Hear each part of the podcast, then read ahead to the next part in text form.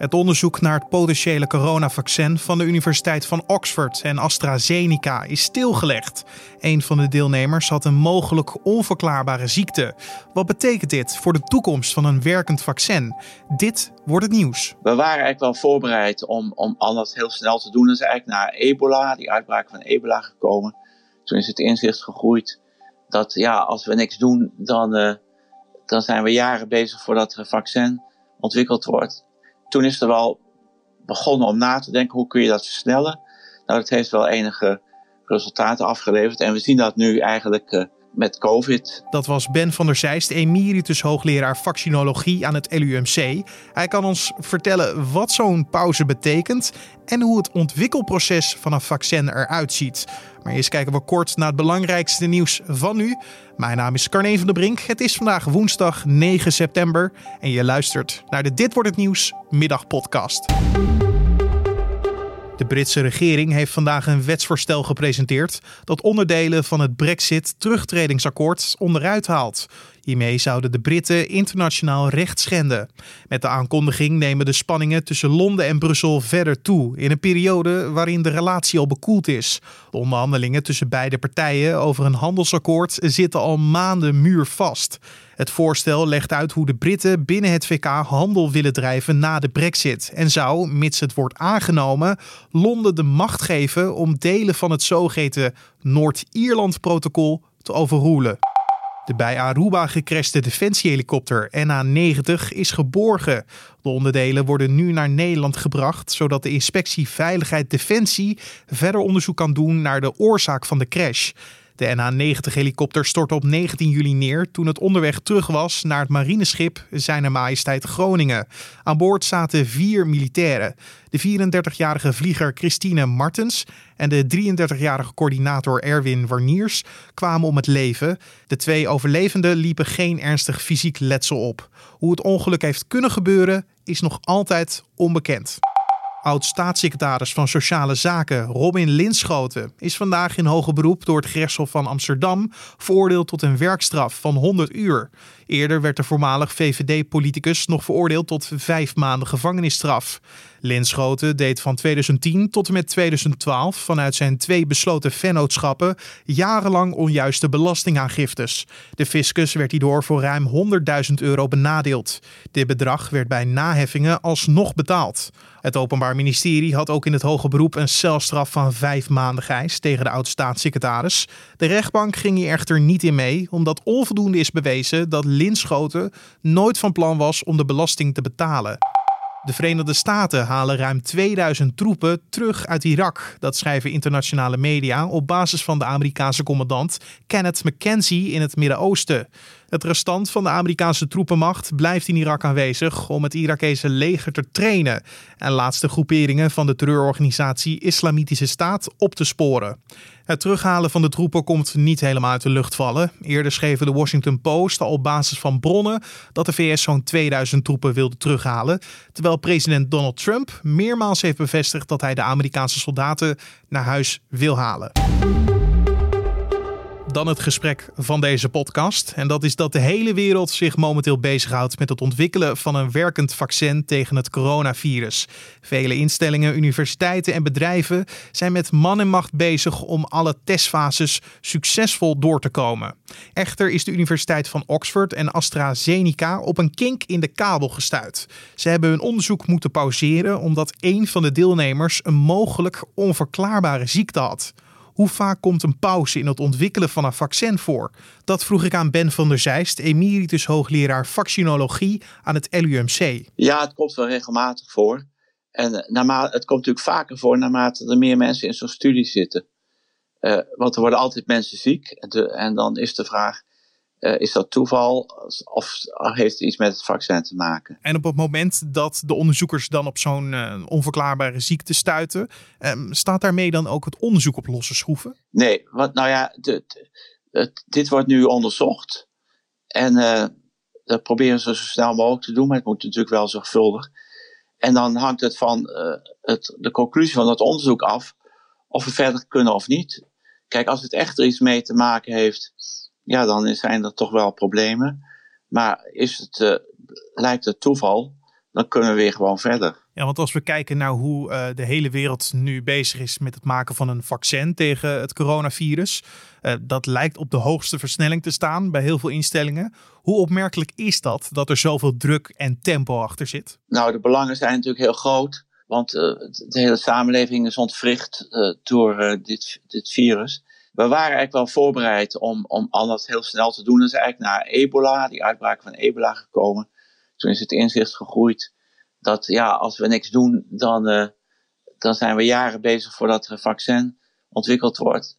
Is. En, dan, en toen is er wel begonnen om na te denken, hoe kun je dat versnellen? Nou, dat heeft wel enige resultaten afgeleverd. En we zien dat nu eigenlijk uh, met, uh, met COVID. Er zijn nu wat dan heet dan platformtechnologieën, dus zeg maar standaardmethoden, waardoor je heel snel een stukje van, van een nieuw virus in een bestaande drager kunt stoppen. En dan kun je het heel, heel erg versnellen, de ontwikkeling. Maar je blijft altijd zitten met die klinische studies. En die moeten naast na elkaar gebeuren. Dus eerst de veiligheid. En als het veilig is, op, op, die, op die honderden mensen waarop het getest is, dan een uh, zogeheten fase 3 studie, waarin je dan gaat kijken, in meer mensen is het veilig en is het ook werkzaam. Want het, dat moet het zijn voordat het toegelaten kan worden op de markt. Want in zo'n maakproces worden natuurlijk vele uh, potentiële vaccins onderzocht en eventueel ontwikkeld. Maar in welke onderzoeksfase sneuvelen potentiële vaccins dan meestal? Meestal helemaal aan het begin. Als het toch niet doet wat het uh, zou moeten doen. Maar het kan ook helemaal aan het einde. Er is bijvoorbeeld een aantal jaren terug is dat alweer. Had je een vaccin tegen rotavirus, dat is diarree bij kinderen. En toen bleek dat een van die vaccins, die gaf uh, darmaandoeningen. En dat vaccin is toen uit de, zeg maar, gestopt, uit, uh, van de markt genomen. En uiteindelijk is er een ander vaccin uh, in plaats van gekomen wat niet die bijwerking had. Dus het kan nog heel laat gebeuren. Maar wel heel uitzonderlijk als je dus de, kijkt naar, naar de statistieken. Want als je uiteindelijk fase 3 hebt volbracht, het moment dat je echt op grote schaal gaat testen, is het dan ook gelijk tijd voor de, de keuring? Ja, dan uh, dien je dat allemaal in bij de, wat dan heet de regulatoire autoriteit. Dat is dus in Nederland de EMA, die tegenwoordig in Amsterdam zit, en, of in, in de VS de FDA. En die kijken dan naar het hele vaccin, maar die zijn uh, op dit moment al bezig. We hebben nu een systeem waar je, zodra je resultaten hebt, de, al naar gekeken wordt en dan kan je dat aanvullen. En als dat, uh, zeg maar, als de balans tussen bijwerkingen en werkzaamheid goed is, dan wordt het toegelaten op de markt.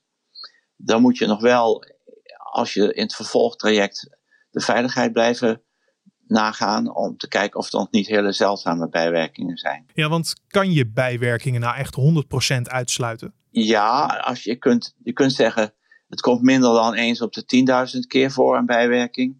Of e- minder dan één op de 100.000. Dat hangt natuurlijk aan, af van het aantal mensen wat je hebt getest. Als je met 10 mensen test, kan je natuurlijk niet zeggen dat het minder dan één op de miljoen keer voorkomt. Maar er zijn wel voorbeelden te noemen van vaccins die werden toegediend en waar uiteindelijk toch bijwerkingen uitkwamen die serieus waren. Zoals het vaccin tegen de Mexicaanse griep. Sommige mensen kregen een ernstige slaapziekte. Ja, dat waren hele zeldzame bijwerkingen. En die hadden ook nog iets te maken met een erfelijke gevoeligheid daarvoor. Uh, en dat kun je dus niet uitsluiten met een, met een fase 3 klinische studie op 30.000 mensen, als het, maar, als het veel minder voorkomt. Dus dat blijft, dan blijft het dus heel belangrijk, als je het vaccin gaat invoeren, om de bijwerkingen goed te, te volgen. Daar is nu het LARP mee bezig. En eh, dat gebeurt dan in Europees verband. Uh, zodat als er iets zou gebeuren, dat direct opgepikt wordt. Maar te voorkomen is het dus niet. Maar als je het hebt dan over uh, keuringen. U zei het net ook al over snelheid. Dat, dat, dat gaat natuurlijk ook daarmee gepaard. Opereert dit proces volgens u uh, zo snel als het kan? Of zou er in principe in het hele scala nog wel een tandje bij kunnen? Nee, ik denk wel dat het zo snel fungeert als het kan. En als je bochten zou afsnijden, dan zou dat ten koste gaan van uh, de veiligheid. En dat, is, dat zie je dus in dit geval. Dat die, die noodrem gaat erop, er worden geen bochten afgesneden. En uh, dat is toch wel de keuze die we gemaakt hebben. Ja, want er zijn mensen die hebben zorgen over de snelheid waarin een vaccin er moet komen. Of de druk die erop wordt gelegd. Eh, of die dan niet ten koste gaat eh, van de veiligheid. Wilt u dan die zorgen wegnemen bij ze? Ja, nou dat wordt mij wel meer gevraagd. Maar als je kijkt wat, zoals het nu gaat, gaat het eigenlijk niet anders dan anders. Eh, qua uh, zeg maar, procedure. Maar het gaat allemaal wel veel vlugger omdat er gewoon harder gewerkt wordt en er een betere samenwerking is tussen de, de, de, de toelatingsautoriteiten en de, en de ontwikkelaars. Ja, want het is natuurlijk een virus wat de hele wereld in zijn greep houdt. Dus iedereen wil het gouden recept vinden. Ja, er zijn dus, uh, er zijn meerdere ontwikkelaars. We hebben dus die Oxford AstraZeneca is één daarvan, maar er zijn er nog een aantal die ook al heel ver zijn. Uh, en die zijn allemaal bezig uh, om zo snel mogelijk zeg maar een vaccin te hebben, zodat we in ieder geval de, de doelgroepen die het meest aanmerking komen gaan inenten en kunnen stoppen met die toch wel draconische isolatiemaatregelen die het leven toch wel ons verrichten. Maar er zijn ook partijen die zeggen al veel verder te zijn met hun vaccin, zoals in Rusland en China. Is dat dan propaganda of moeten we het zien als iets hoopvols? Nee, dat is eigenlijk dat is dan weer wel bochten afsnijden. Die komen dan, nou Rusland is een beetje op zijn schreden teruggekeerd. Die, die zijn nu toch wel, houden zich aan de regels, maar ze doen het wel met minimale aantallen. En in China, ja, daar is toch wel wat raars aan de hand. Dan, dan is, wordt, is eigenlijk, uh, wordt dat vaccin al gegeven aan, medewerkers van het vaccinbedrijf voordat het is goedgekeurd. Uh, dus dat, dat zijn ook bochten afsnijden. Maar goed, daar worden ze wel op aangesproken. Maar goed, uh, dat hebben wij dus niet voor het zeggen wat er in China of Rusland gebeurt. Ja, alleen bij hun is de vraag in hoeverre delen ze hun onderzoeksresultaten of uh, zeggen ze hoe ver ze al zijn? Ja, nou, China heeft, of nee, Rusland heeft nu toch net wat resultaten gepubliceerd in de Lancet. Dat is toch een vooraanstaand tijdschrift. Hm. Uh, maar dat ging wel over maar uh, twee keer 38 mensen. Dus dat is een hele magere uh, zeg maar opzet. En zeker niet genoeg om, om, om het toe te laten. Maar goed, ze zeggen nu ook dat ze het beter gaan uitzoeken. Dus misschien dat ze toch een beetje geschrokken zijn van die kritiek. Nou, laten we dan afspreken dat we het samen in de gaten gaan houden. Het laatste woord lijkt me dat er nog niet over gezegd is. Want iedereen hoopt natuurlijk straks het werkende vaccin te hebben ontwikkeld. Je had vroeger de ruimtewedloop, nu lijkt het wel de vaccinwedloop. Wie het eerste de eindstreep met zijn of haar vaccin haalt. Zijn er volgens u instellingen, bedrijven, eh, universiteiten die echt de beste papieren voor een werkend vaccin hebben? Dat zijn de mensen die het, die het verste zijn. Hè? Dat is dus AstraZeneca, Oxford, dat is Pfizer, BioNTech, dat is Moderna. Maar, maar, dan kijk je dus ook naar de productiecapaciteit. Maar het hangt dus allemaal af van de uitkomst van die fase 3 studies die nu lopen. En, en die gaan eigenlijk pas, leveren pas de definitieve informatie om daarover te beslissen. Maar bent u dan hoopvol dat we snel een, uh, een veilig en goed werkend vaccin tegen het coronavirus zullen krijgen? Dat denk ik wel, want er zijn dus verschillende onafhankelijke aanpakken. En de, tot nu toe ziet het er allemaal veelbelovend uit.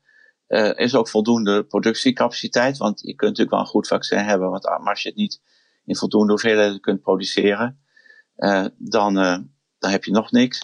En na die drie koplopers zijn er nog een aantal andere die wat later beschikbaar komen. Die, waar het er ook goed van uitziet.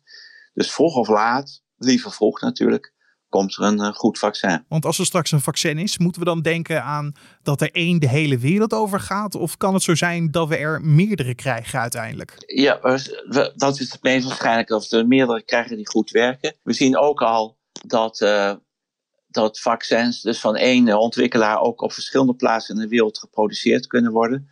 Dus het is uh, behoorlijk gespreid. Er is ook natuurlijk wel een zorg dat alleen de rijke landen het krijgen, of althans dat die, dat die het veel eerder krijgen en de anderen achterblijven.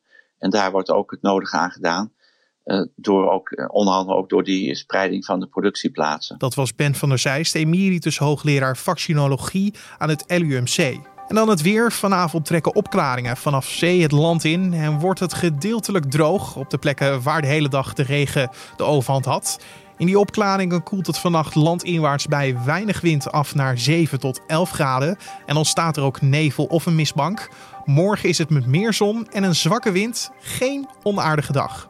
En tot zover de Dit Wordt Het Nieuws podcast voor deze woensdagmiddag 9 september. De podcast help je heel makkelijk door feedback, vragen of suggesties door te sturen naar podcast.nu.nl. Dat is ons mailadres podcast.nu.nl of een recensie achter te laten bij Apple Podcast.